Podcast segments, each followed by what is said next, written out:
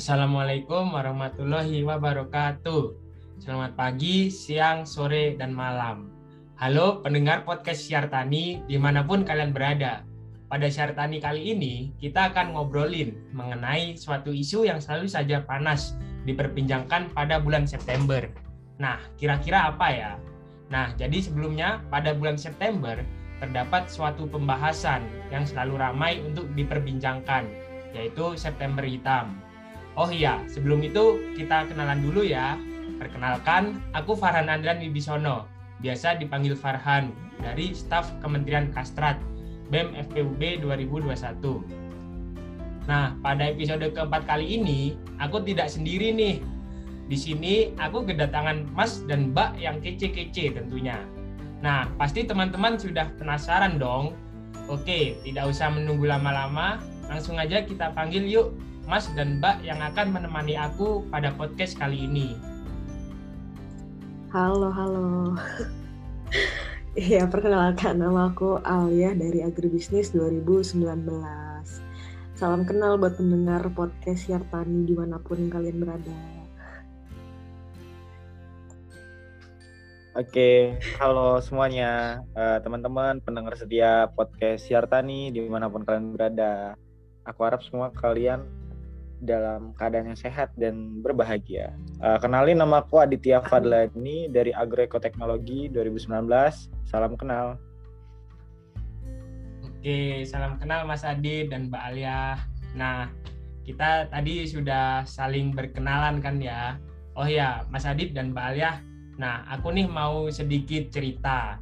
Jadi, aku itu sempat buka medsos medsos nih.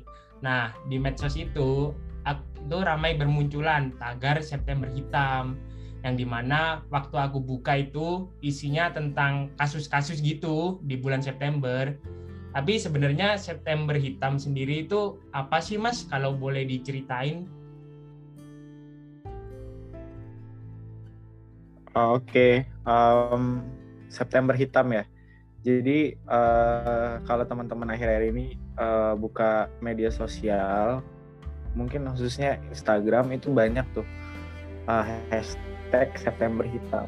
Atau mungkin kalau teman-teman follow akun bangsa mahasiswa juga uh, itu ada juga teman-teman yang pakai profile picture September Hitam. Jadi kenapa ada kata hitam di belakang uh, kata bulan September itu? Jadi di bulan September ini banyak tragedi uh, atau peristiwa pelanggaran HAM dari ya pelanggaran HAM intinya bahkan ada yang pelanggaran HAM berat dan ada yang sampai sekarang itu belum ada kejelasan dari kasus tersebut dan itu tuh sepanjang bulan September ini di masa lampau gitu.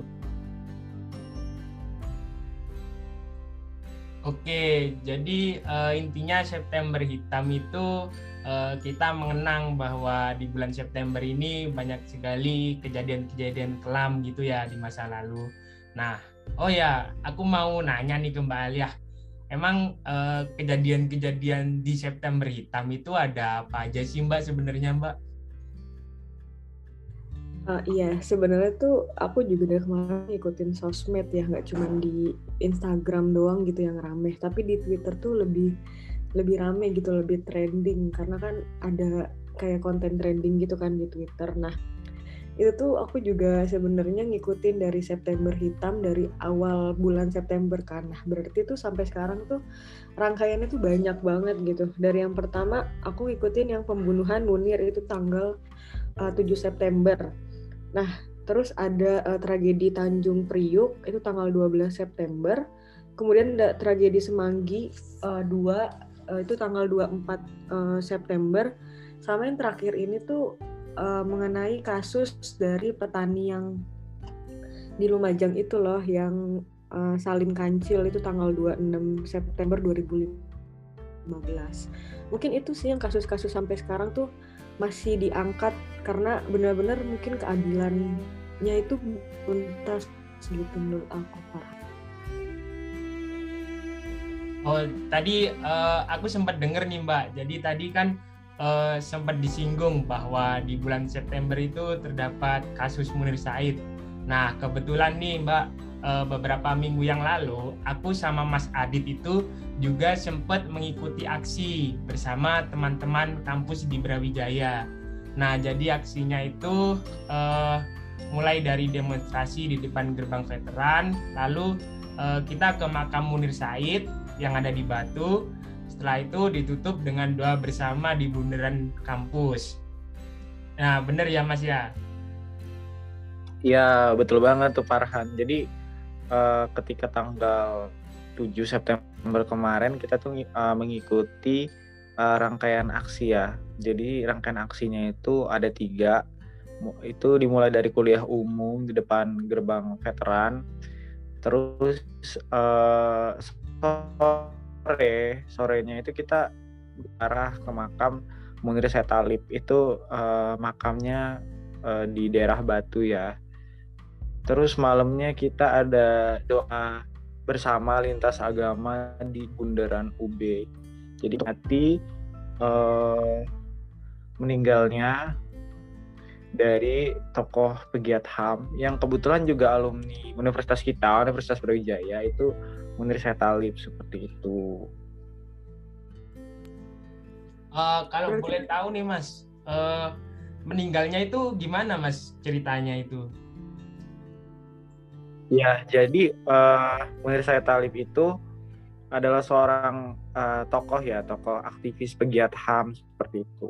Namanya tuh udah terkenal banget lah dulu. Dia juga salah satunya mau apa ya, mengungkap kasus Marsinah.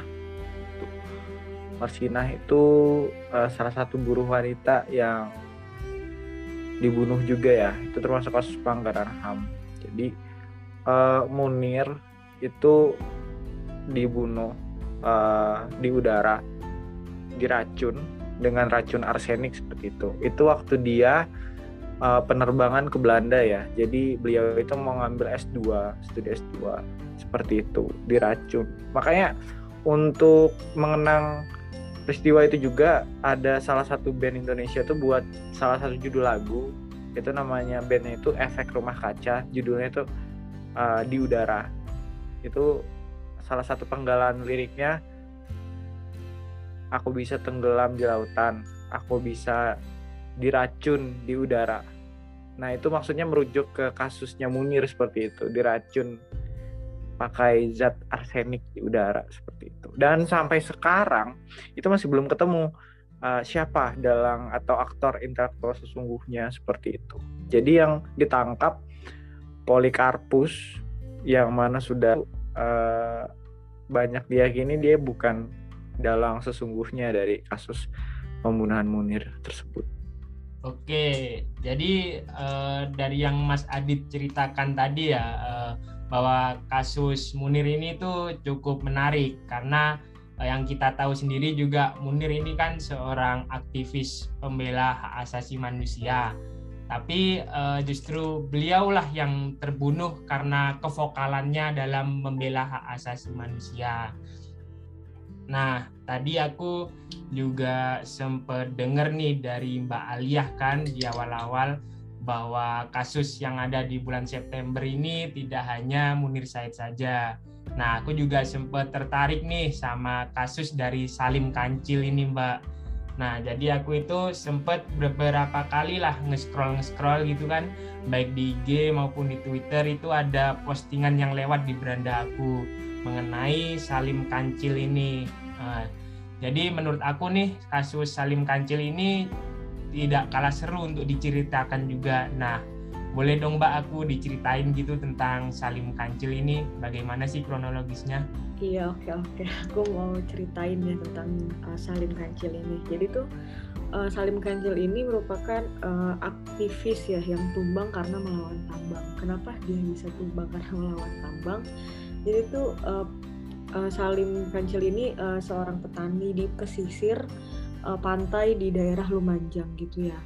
Nah, jadi tuh karena lahannya beberapa hektar itu ini di apa tergerus oleh pasir uh, tambang pasir tersebut, jadi kayak lahan yang Pak Salim punya ini lama-lama kayak ini hilang gitu loh. Jadi kayak uh, penghasilan dia sebagai petani juga juga menurun. Nah akhirnya dia berpindah profesi lah sebagai uh, nelayan karena di dekat uh, ini juga kan pesisir pantai dari dari petani pindah ke nelayan. Nah tapi dari Pak Salim ini kayak ngerasa nggak cocok gitu. Akhirnya dia kayak uh, mengunjungi teman-temannya yang lahannya juga ikut tergerus, ikut uh, habis gitu karena uh, tambang tersebut. Dia kayak uh, diskusi gitu loh sama sama orang-orang uh, petani sekitar juga kayak ngebahas mengenai uh, langkah apa yang kita lakuin buat jangan sampai lahan kita ini habis gitu karena kan masih ada yang tersisa. Nah akhirnya ya kayak kirim surat ke daerah-daerah uh, ke kepala daerah gitu kan daerah Lumajang tersebut. Nah tapi kayak mungkin dari pemerintahnya menolak gitu ya. Akhirnya pada suatu uh, pagi gitu ketika dia lagi di luar rumahnya uh, kayak lagi gendong cucunya gitu loh. Nah tapi setelah itu uh, Pak Munir ini kayak naruh anaknya dulu gitu. Eh naruh cucunya dulu kan ke dalam. Nggak mungkin ada orang kayak ngomong kayak gitu dan orang nggak dikenal bahwa cucunya takutnya berbahaya. Nah akhirnya di luar rumah itu dia uh, kayak dikeroyok sama orang-orang yang nggak dikenal. Jadi mungkin kasusnya itu sih karena dia menolak tambang. Nah, tapi nggak tahu orang itu uh, siapa gitu. Mungkin itu sih garis besarnya dari uh, tragedi Salim Kancil. Nah, oke. Okay. Uh, jadi aku udah denger nih dua cerita yang bisa dibilang sama-sama bersejarah lah keduanya juga sama-sama dapat dikategorikan dalam pelanggaran hak asasi manusia. Nah, tapi Mas Mbak ini kan udah cukup lama ya, bisa dibilang sudah lama banget sih, apalagi yang kalau kasus Munir itu. Nah, itu gimana sih respon dari pemerintah? Kenapa kasus separah ini itu uh, seolah-olah itu tidak ada penyelesaian finalnya gitu. Nah, dari pemerintah kan padahal Indonesia sendiri itu baru saja terpilih menjadi Dewan HAM di PBB untuk tahun 2020 sampai 2022. Uh, eh, tapi kok bisa-bisanya di dalam internal Indonesia sendiri menurut aku ya belum bisa menuntaskan terkait pelanggaran HAM. Nah, mungkin dari Mas Adit dulu deh, gimana nih responnya? Iya, jadi perjalanan uh, kasus Munir Said Talib ini panjang banget ya. Uh, beliau kan meninggal di 7 September 2004 seperti itu. Sejak tahun tersebut itu uh, salah satu upaya pemerintah itu adalah membentuk tim gabungan pencari fakta seperti itu.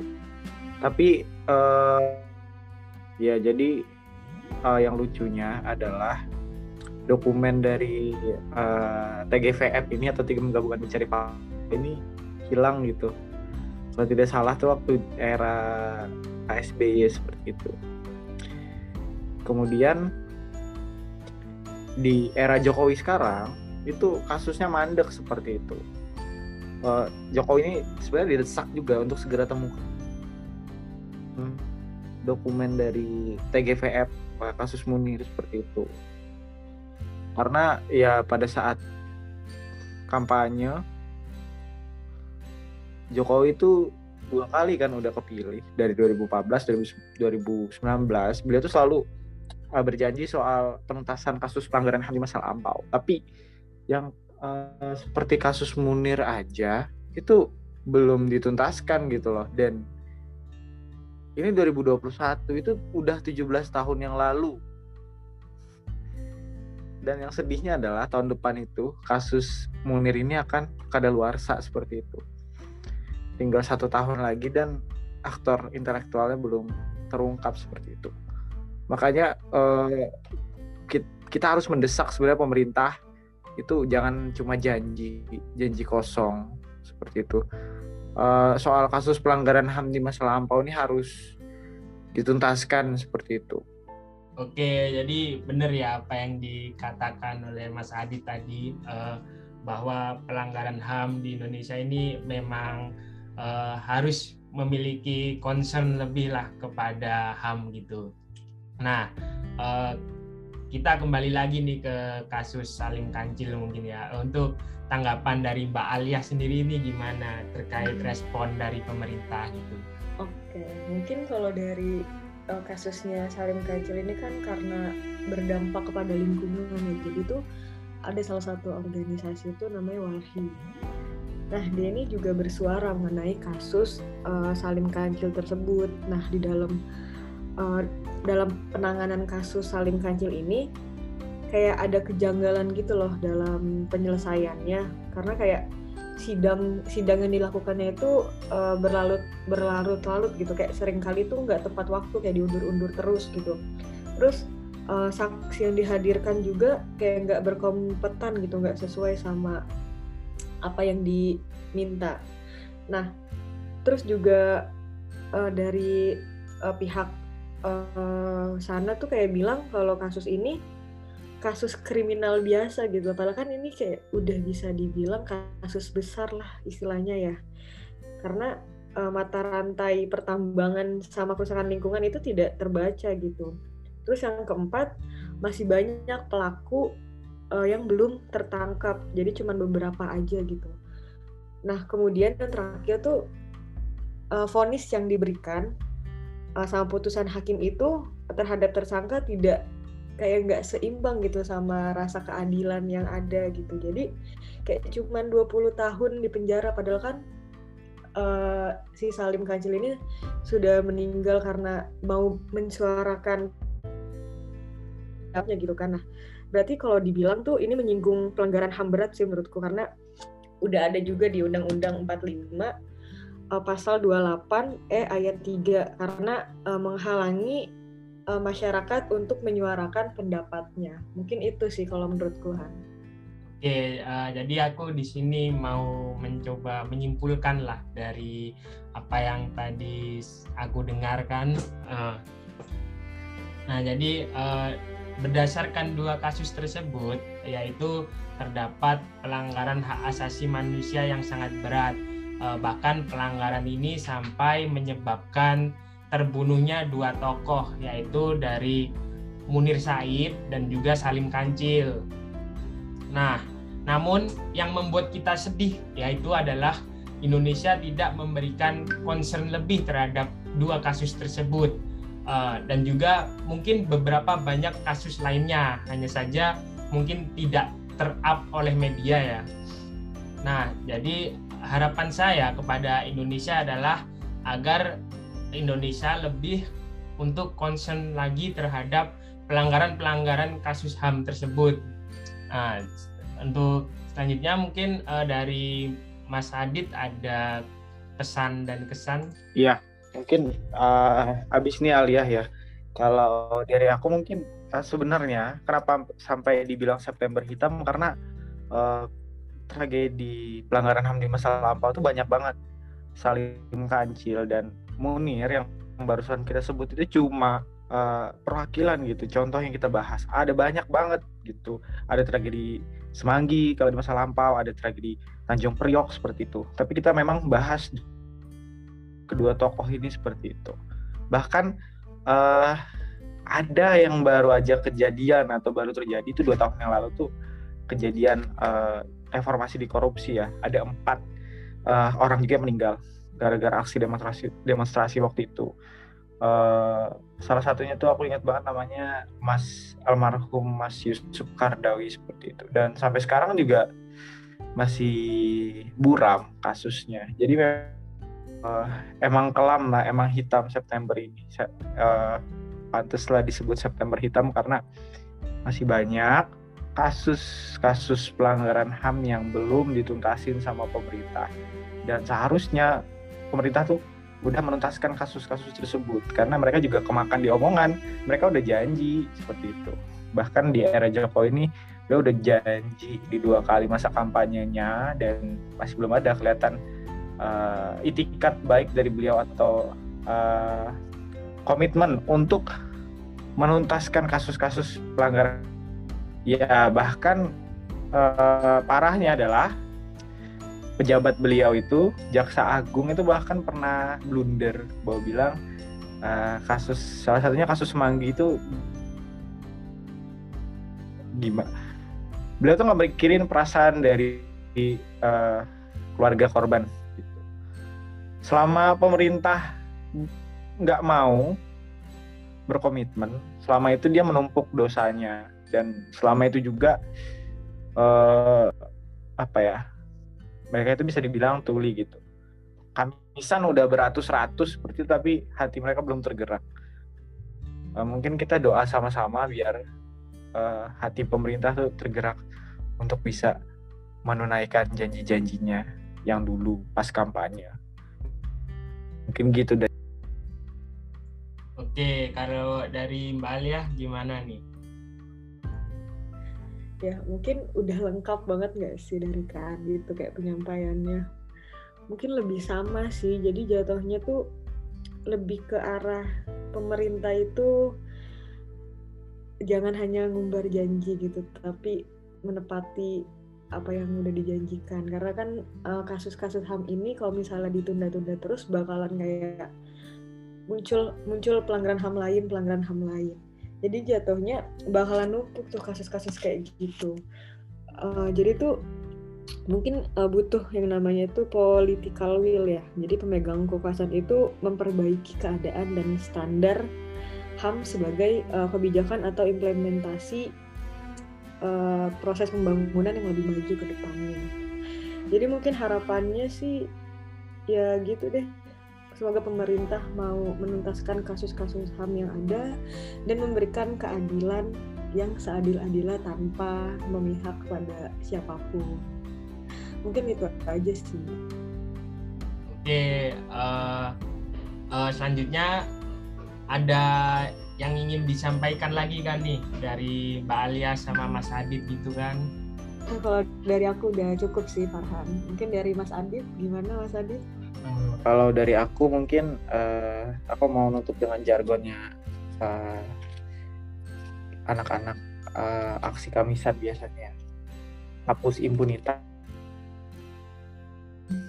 Jangan diam, lawan. Lawan, lawan. Lawan. Oke, terima kasih Mas Adit dan Mbak Alia yang telah menemani aku pada podcast episode 4 kali ini. Nah, dan juga terima kasih kepada teman-teman yang sudah setia mengikuti podcast ini sampai episode keempat. Tapi tenang saja teman-teman, uh, podcast kita akan terus berlanjut di episode-episode selanjutnya. Jadi tunggu saja podcast kita selanjutnya. Bye bye.